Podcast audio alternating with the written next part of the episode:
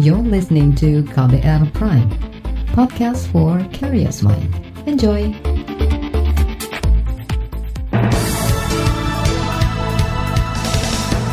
Selamat pagi saudara, senang sekali kami kembali bisa menjumpai Anda pagi hari ini melalui program Buletin Pagi edisi Selasa 27 Oktober 2020. Pagi hari ini tim redaksi KBR telah menyiapkan sejumlah informasi untuk Anda. Di antaranya, terpidana kasus Jiwasraya Beni Cokro difonis penjara seumur hidup. Mabes Polri hari ini periksa para tersangka kebakaran gedung Kejaksaan Agung dan sejumlah daerah di Jawa Barat larang ASN bepergian jauh saat libur panjang.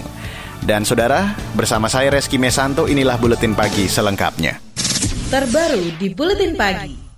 Saudara, Pengadilan Tindak Pidana Korupsi memfonis dua orang terdakwa kasus korupsi PT Asuransi Jiwasraya dengan hukuman penjara seumur hidup. Dua terdakwa itu adalah Direktur Utama PT Hansen International Terbuka Beni Cokro Saputro dan Komisaris Utama PT Trada Alamindra Terbuka Heru Hidayat. Dalam sidang putusan Senin kemarin, Majelis Hakim menyatakan Beni Cokro bersalah melakukan korupsi dan memperkaya diri bersama tiga bekas pejabat PT Asuransi Jiwasraya senilai 16 triliun rupiah. Hakim Pengadilan Tindak Pidana Korupsi juga memerintahkan Beni Cokro membayar uang pengganti sekitar 6 triliun rupiah, atau jika tidak bisa maka harta bendanya dilelang untuk uang pengganti. Sementara itu untuk Heri Hidayat, pengadilan mewajibkan Heru membayar uang pengganti sebesar 10,7 triliun rupiah. Menurut Majelis Hakim, Beni Cokro bersama Heru Hidayat bersama tiga bekas pejabat Jiwasraya melakukan tindakan yang merugikan negara hingga 16 triliun rupiah. Beni juga dianggap menyembunyikan harta hasil korupsi dengan cara cuci uang dengan membeli sejumlah aset. Dengan vonis itu maka hingga kini pengadilan sudah memvonis lima orang terdakwa dengan hukuman penjara seumur hidup. Sebelumnya pada dua pekan lalu, Majelis Hakim Pengadilan Tindak Pidana Korupsi juga memvonis tiga orang bekas petinggi PT Asuransi Jiwasraya, masing-masing dengan hukuman penjara seumur hidup. Mereka adalah Hendrisman Rahim yang menjabat Direktur Utama PT Jiwasraya selama 10 tahun. Selain itu ada bekas Direktur Keuangan PT Jiwasraya, Hari Prasetyo, serta bekas Kepala Divisi Investasi PT Jiwasraya, Syah Mirwan. Hakim menganggap tiga orang bekas pejabat Jiwasraya itu melakukan kegiatan terencana, terstruktur, masif, dan merugikan nasabah Jiwasraya. Kita beralih ke informasi lain, proyek pembangunan di Taman Nasional Komodo, Kabupaten Manggarai Barat, Nusa Tenggara Timur mendapat protes dan penolakan dari banyak pihak. Penolakan proyek yang ramai disebut sebagai proyek Jurassic Park itu viral di media sosial setelah tersebarnya foto seekor komodo berhadap-hadapan dengan truk proyek di kawasan Taman Nasional Komodo. Lokasinya diduga berada di Pulau Rinca yang merupakan habitat komodo. Organisasi komunitas bernama Indo Flashlight menggagas petisi untuk menyelamatkan komodo dari proyek pembangunan pemerintah itu. Proyek itu dianggap akan merusak habitat asli komodo, menyingkirkan penduduk setempat dan dilakukan hanya demi kepentingan investasi. Sementara itu protes juga dilontarkan warga NTT, salah seorang warga desa Pasir Putih, Kecamatan Komodo, Ahyar Abadi menyebut, habitat komodo sebagai satwa endemik berpotensi kehilangan kondisi kealamiannya jika sudah dimasuki proyek-proyek pembangunan besar. Kami beberapa menemukan baik langsung maupun tidak langsung sangat menyesali sekali. Kenapa kok pemerintah pusat ingin melakukan modernisasi terhadap kawasan Taman Nasional Komodo? Padahal kita di sini tuh mau melihat langsung secara alami kehidupan komodo di alamnya yang natural itu seperti apa.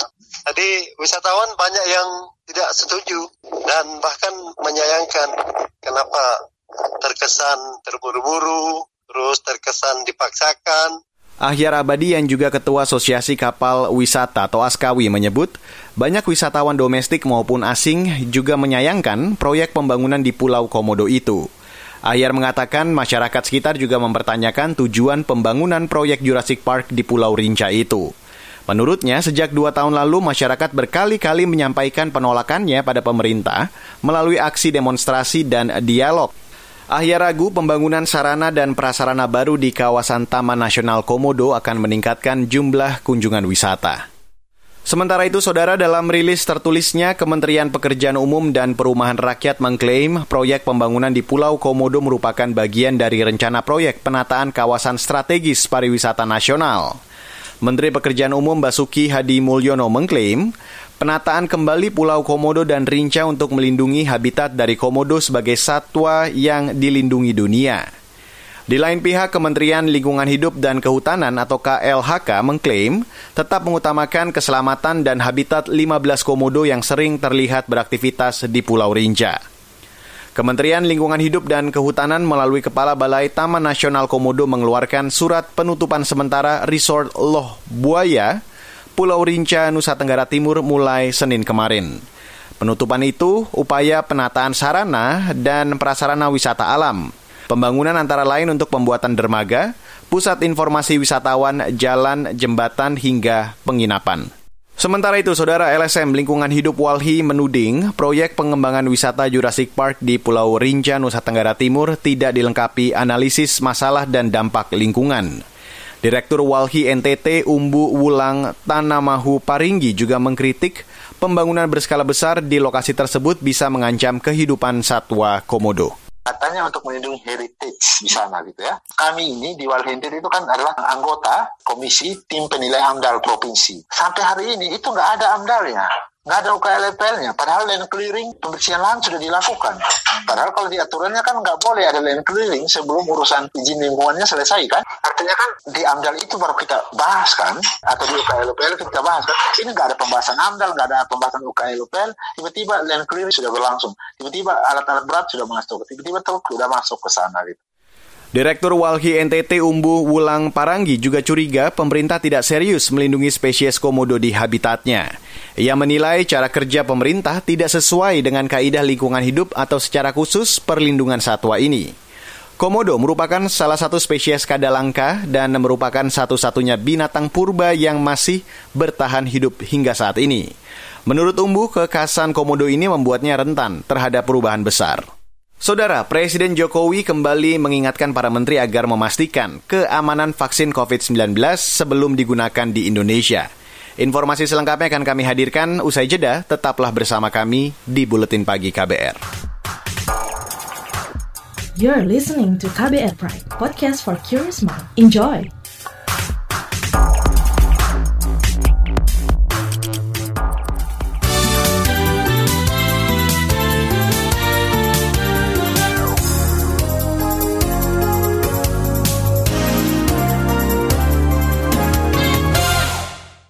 Presiden Joko Widodo kembali memerintahkan para menteri dan pejabat terkait memastikan keamanan vaksin COVID-19 yang akan digunakan untuk vaksinasi massal di Indonesia. Menurutnya, keamanan vaksin saat ini menjadi fokus utama agar tak menimbulkan masalah baru jika disuntikan ke masyarakat.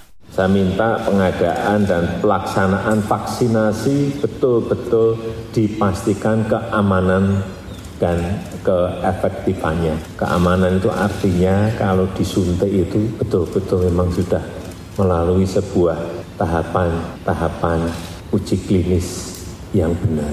Karena kalau tidak, ada satu saja yang bermasalah nanti bisa akan menjadikan ketidakpercayaan masyarakat terhadap upaya vaksinasi ini. Presiden Jokowi juga mengingatkan para menteri agar tidak terburu-buru menyediakan vaksin bagi masyarakat dan mengabaikan aspek keilmuan. Selain itu, Jokowi juga memerintahkan para pembantunya memperbaiki komunikasi publik, utamanya soal keterbukaan vaksin yang dibeli oleh pemerintah.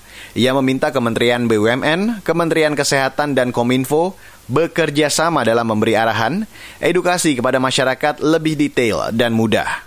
Saudara, Kementerian Perhubungan tidak akan lagi memperlakukan syarat rapid test bagi warga yang hendak bepergian menggunakan angkutan darat lintas daerah, kecuali untuk tujuan Bali.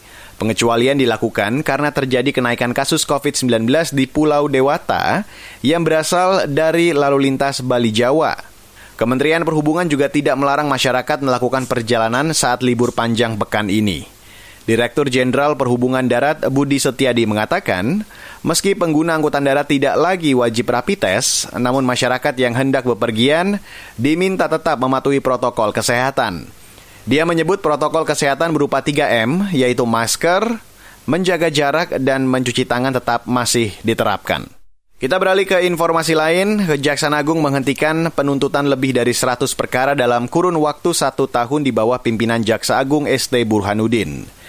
Juru bicara Kejaksaan Agung Hari Setiono menjelaskan, Penghentian ratusan perkara itu berdasarkan peraturan kejaksaan tentang penghentian penuntutan berdasarkan keadilan restoratif. Sebuah upaya menyesuaikan pergeseran paradigma yang berkembang pada masyarakat Indonesia yang sebelumnya keadilan retributif atau pembalasan menjadi keadilan restoratif Juru bicara Kejaksaan Agung Hari Setiono menjelaskan, perkara yang dihentikan harus memenuhi sejumlah syarat. Di antaranya, tersangka baru pertama kali melakukan tindak pidana, ancaman pidananya tidak lebih dari lima tahun, serta nilai kerugian perkara tidak melebihi 2,5 juta rupiah. Selain itu, pelaksanaannya juga harus melibatkan pelaku, korban, keluarga pelaku dan korban, serta pihak-pihak lain yang terlibat. Perkara yang dihentikan penuntutannya antara lain 90-an perkara dengan korban perorangan, serta 4 perkara dengan korban perusahaan atau lembaga negara. Kasus-kasus yang dihentikan tersebar di 27 provinsi dan 70 kabupaten. Saudara, penyidik Bareskrim Mabes Polri berencana memeriksa delapan orang tersangka kasus kebakaran Gedung Kejaksaan Agung pada hari ini. Juru bicara Mabes Polri Awi Setiono mengatakan, surat panggilan pemeriksaan sudah dilayangkan ke delapan tersangka yang saat ini belum ditahan. Pemeriksaan rencananya dilakukan pukul 10 pagi. Nanti diperiksa dulu sebagai tersangka. Masalah nanti ditahan atau tidak itu kewenangan di penyidik. Mabes Polri akhir pekan lalu menetapkan delapan tersangka dalam kasus kebakaran gedung utama Kejaksaan Agung. Sebanyak lima tersangka adalah tukang bangunan, sedangkan tersangka lainnya adalah mandor, vendor, dan pejabat di Kejaksaan Agung. Polri menyebut kebakaran terjadi karena kelalaian para tersangka. Kebakaran disebut bersumber dari puntung rokok pekerja tukang. Kebakaran yang terjadi pada 22 Agustus lalu diperkirakan mengakibatkan kerugian mencapai 1,1 triliun rupiah. Saudara Kementerian Pendidikan dan Kebudayaan menyatakan sistem baru pengganti ujian nasional akan diberlakukan mulai Maret tahun depan. Pengganti ujian nasional ini disebut asesmen nasional. Menteri Pendidikan dan Kebudayaan Nadiem Makarim mengatakan perubahan ujian nasional menjadi asesmen nasional merupakan terobosan besar, di mana sistem pendidikan tidak lagi bisa menghakimi siswa dari ujian akhir. Untuk pertama kalinya di Indonesia, asesmen nasional adalah untuk mengukur unit pendidikan untuk mengevaluasi unit pendidikan, bukan untuk menghakimi anak-anak kita bisa masuk ke sekolah mana dan mana yang bisa masuk ke sekolah lain. Jadi ini adalah suatu perubahan transformasional di mana asesmen nasional digunakan untuk mengevaluasi kinerja sekolah, untuk memperbaiki, memberikan umpan balik kepada guru-guru dan kepala sekolah bagaimana untuk meningkatkan kualitas, bukan untuk menjadi sistem seleksi anak masuk negeri atau uh, masuk swasta. Menteri Pendidikan dan Kebudayaan Nadiem Makarim menambahkan, dengan asesmen nasional diharapkan semua sekolah mampu memperbaiki kualitas dan kuantitas pengajar. Nadiem mengatakan, dengan sistem penilaian baru ini, diharapkan semua siswa bisa mendapatkan pendidikan secara layak dan bagus di seluruh lembaga penyelenggara pendidikan, baik negeri atau swasta. Kita beralih ke berita olahraga. Dari ajang MotoGP, pembalap Repsol Honda Mark Marquez kemungkinan tidak akan lagi tampil di sisa musim MotoGP 2020 karena masih menjalani perawatan cedera lengan. Marquez sudah menjalani dua operasi setelah cedera di MotoGP Spanyol yang merupakan seri pembuka MotoGP 2020. Manajer tim Honda, Alberto Puig, tidak menampik kabar mengenai penyembuhan tulang Humerus Marquez yang sempat mengalami kerusakan setelah menjalani operasi pertama. Pernyataan pembalap Stephen Bart yang menyatakan bakal menjadi pembalap Repsol Honda di MotoGP Portimao juga mengindikasikan Marquez tidak tampil hingga musim balap tahun ini selesai. MotoGP Portimao yang berlangsung di Portugal rencananya menjadi seri penutup MotoGP 2020. Saudara, laporan khas KBR mengenai vaksinasi COVID-19 suara penolakan dari garda terdepan akan kami hadirkan usai jeda. Tetaplah bersama kami di Buletin Pagi KBR. You're listening to KBR Pride, podcast for curious mind. Enjoy!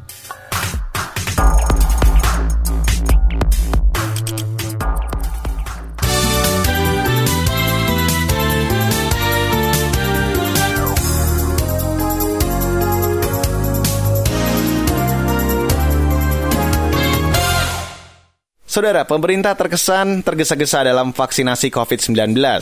Sempat terlontar keinginan memulai penyuntikan vaksin pada pertengahan November, padahal belum ada satupun vaksin yang melewati uji klinis tahap 3. Suara penolakan sudah santer terdengar dari kelompok prioritas tenaga kesehatan di garda terdepan. Simak laporan tim KBR yang dibacakan Valda Kustari ini. Dokter spesialis paru Franz Abednego Barus menolak didata sebagai calon penerima vaksin COVID-19 meski masuk kelompok prioritas. Ia sanksi dengan keamanan vaksin karena belum ada hasil uji ilmiah. Uh, didata aja dulu akan mendapatkan prioritas mendapatkan vaksin untuk coronavirus gitu. Cuma orang bodoh yang mau.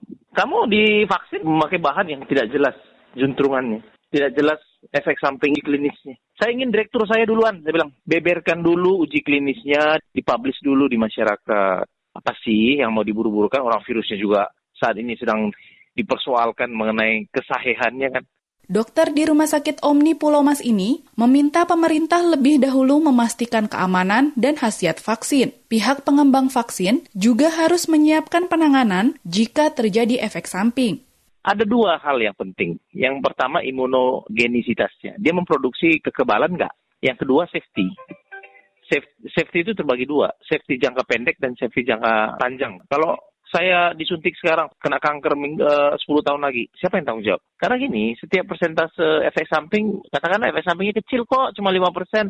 Kalau 5% itu terjadi pada di kita, itu 100% artinya. Efek samping kalau misalnya ada, itu apa? Dijabarkan dong. Sekian persen penanganannya apa? Ada obatnya nggak? Nggak juga. Jadi penanganan efek samping mati.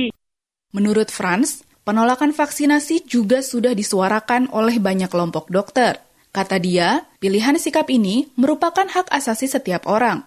Tentu segala sesuatu tindakan medis kan ada inform consent. Selama saya tidak tanda tangan itu berarti tidak akan mungkin terjadi. Hak menolak tindakan medis. Nah, kalau dia pakai undang-undang, undang-undang yang mana yang memaksa kami untuk dilakukan vaksin? Nggak ada undang-undangnya. Sebelum itu keluar, Perhimpunan Penyakit Dalam Paru Anak semua sudah menyatakan penolakan kan. Sikap serupa juga ditunjukkan dokter relawan COVID-19 Debriana Dewi Lumanau yang bertugas di Rumah Sakit Medistra. Ia menolak menerima vaksin saat ini karena belum ada satupun yang terbukti efektif. Namun, Debriana membuka diri menjadi relawan vaksin jika dibutuhkan. Saya mau tahu dulu nih, konteksnya untuk apa? Memang dengan tujuan biar dapat vaksinnya, atau saya termasuk dari yang diteliti untuk uji klinis ketiga itu. Nah, kalau di pembelian vaksinnya dalam rangka itu sih I'll be happy to help gitu mbak. Tapi kalau misalkan pemberian vaksinnya hanya diberikan tanpa ada adanya uh, kontribusi pengambilan data dari saya sendiri, kayaknya nanti dulu deh. Menurutnya, tenaga kesehatan tetap punya hak untuk menolak vaksinasi keputusannya harusnya keputusan bersama antara tenaga medis dan pasien gitu kan. Kecuali pasiennya tidak dalam kapasitas untuk mengambil keputusan. Itu harus diwakilkan keluarga. Ya ini kan hak asasi manusia ya Mbak ya. Saya mau makan apa, saya mau dapat obat apa kan sebenarnya terserah manusianya. Setahu saya harusnya tidak boleh dipaksakan kalau demikian.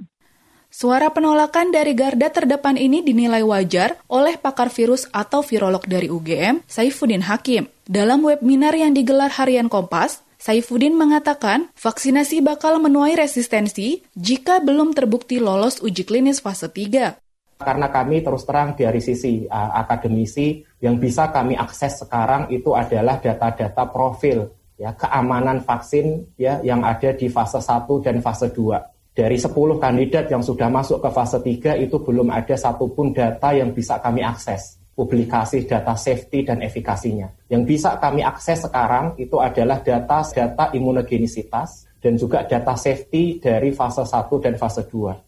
Pemerintah memperkirakan vaksinasi bakal molor dari rencana semula pada pertengahan bulan depan. Ini lantaran Badan Pengawas Obat dan Makanan belum memberikan izin darurat penggunaan vaksin COVID-19. Sebelumnya, Direktur Registrasi Obat BP POM, Lucia Rizky Andalusia menjamin lembaganya profesional dan independen dalam bekerja. Obat dan vaksin COVID-19 harus melewati prosedur ketat serta memenuhi aspek kualitas, khasiat, dan keamanan sebelum diberikan izin penggunaan. Untuk independensi, Badan POM selalu berada pada posisi independensi untuk membuat keputusan tersebut. Di dalam membuat keputusan itu pun Badan POM tidak berdiri sendiri, karena Badan POM mempunyai komite, ya Komite Nasional Penilai Obat, yang melibatkan selalu tim expert untuk memutuskan hal tersebut.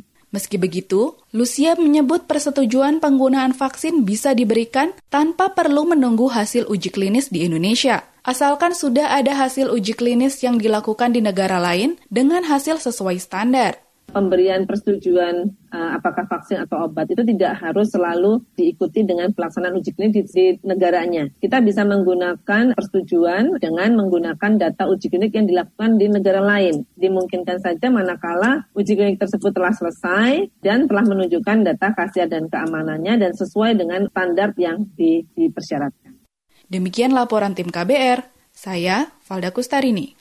Demikian laporan khas KBR dan saudara, informasi dari daerah akan kami sajikan usai jeda. Tetaplah bersama kami di Buletin Pagi KBR. You're listening to KBR Pride, podcast for curious mind. Enjoy!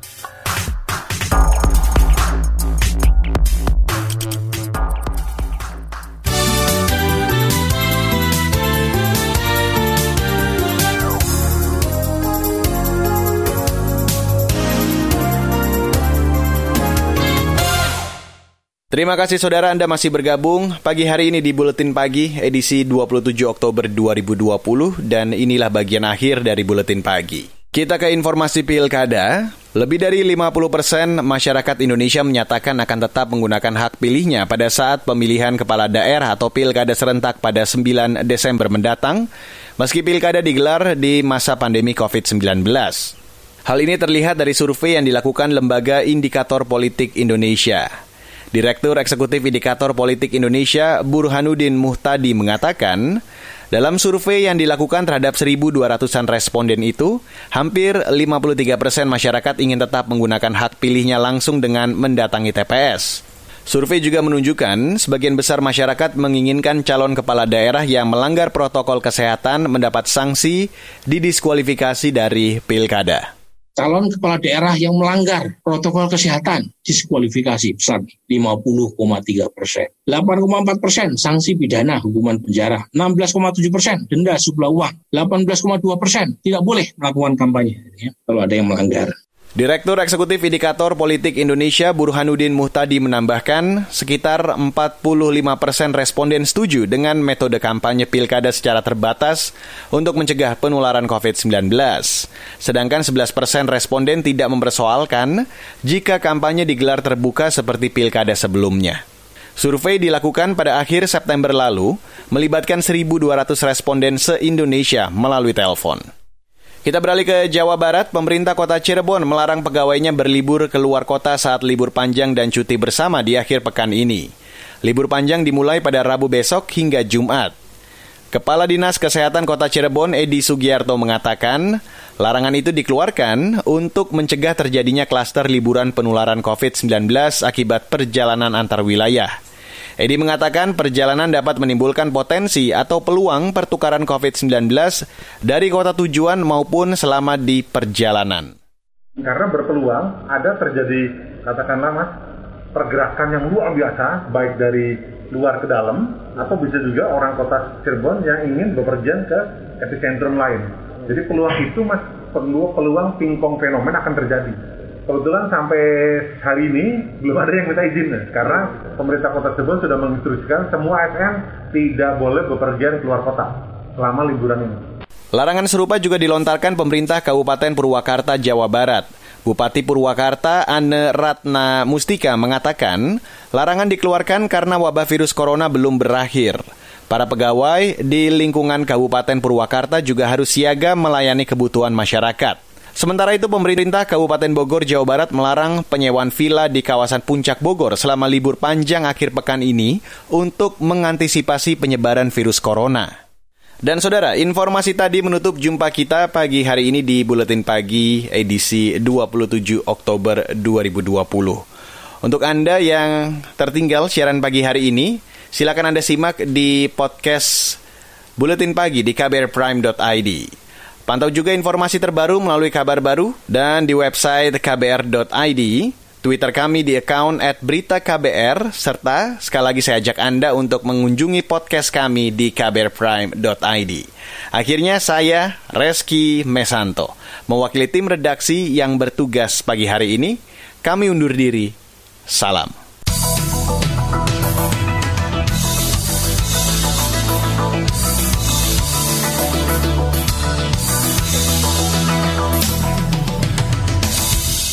KBR Prime, cara asik mendengar berita. KBR Prime, podcast for curious mind.